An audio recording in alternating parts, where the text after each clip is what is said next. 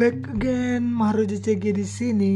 Selamat datang di Useless Podcast yang di mana kita akan membahas berita-berita yang nggak penting sebenarnya, nggak berguna juga, tapi yang penting lagi happening belakangan ini yang lagi dibicarakan banyak orang.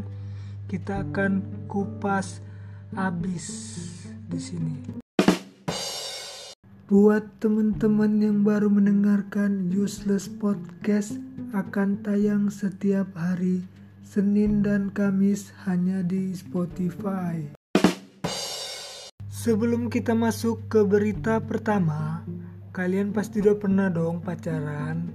Hal-hal apa sih yang sering kalian share dengan pasangan kalian? Misalnya ngelakuin apa-apa harus di instastory gitu sampai kadang titik-titik instastorynya. Enggak kan? Enggak ya. Menurut aku sih enggak semua hal harus diketahui publik. Ntar putus baru lu nyesel. Apalagi sekarang udah ada fitur throwback ke kenangan beberapa tahun silam di ya di story Instagram, Facebook dan lain-lain mungkin. Ngomong-ngomong tentang share mengeser, jadi ada nih yang belum lama ini rame diperbincangkan netizen tentang potongan video tak senonoh yang katanya mirip kakak Zahra Adisti. Ya si itu ya apa namanya? Pemeran film apa tuh? Dua centang biru. Dua garis biru maksudnya jadi video tersebut tampak seorang gadis yang sedang bersantai dengan seorang pria yang diduga pacarnya. Terlihat pria tersebut menyenderkan tubuhnya ke pundak sang gadis. Keduanya juga tampak tertawa ke arah kamera tanpa diduga-duga sang pria meletakkan tangannya ke payudara si perempuan dan menggenggamnya. Oh, Oke oke tipikal ini nih. Si perempuan tampak terkejut, tetapi kembali terlihat santai seolah tidak terjadi apa-apa. Oke. Dan kecekleknya video tersebut tersebar di instastory pribadinya. Mungkin kali aja mau close close friend kali ya. Tapi kepencetnya publik jadi kesebar dan anjingnya lagi nih ya ada aja netizen yang ngerekod lalu disebarkan ke Twitter.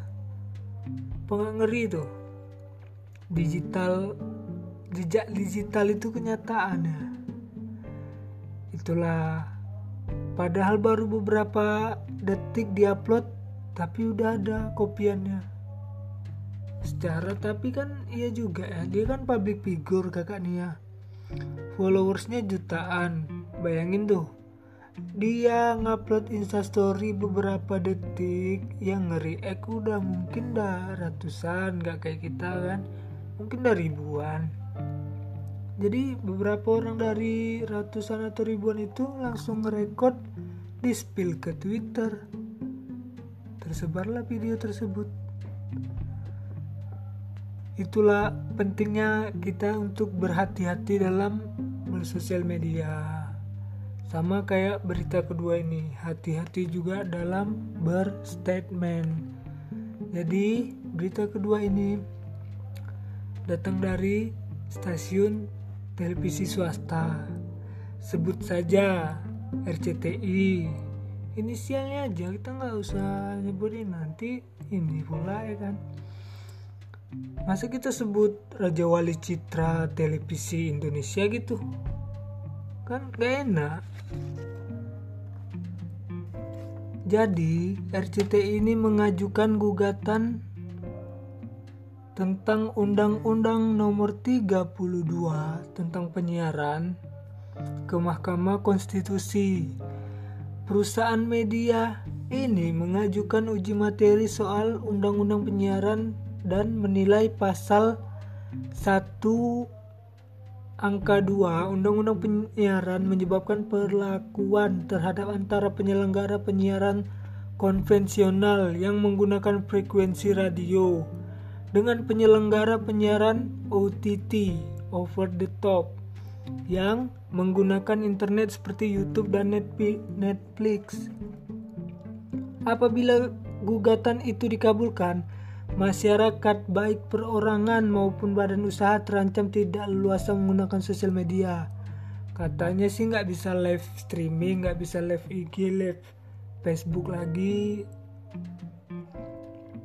Nah, statement ini yang membuat kontroversi di kalangan netizen dan beberapa public figure lainnya pun ikut speak up tentang hal ini seperti Reza Arab dan Pirsa Besari gamers-gamers yang pendapatannya dari streaming ya udah pasti protes.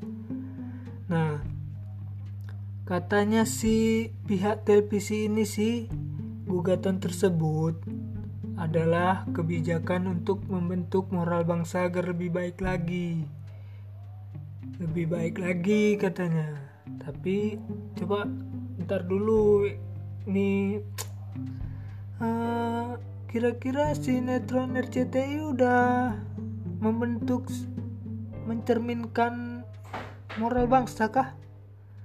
Kita tahu tahu semua kali ya. Oke, segitu aja mungkin untuk episode kali ini. Kita ketemu lagi di episode berikutnya. Maruji Cige pamit. Goodbye. thank you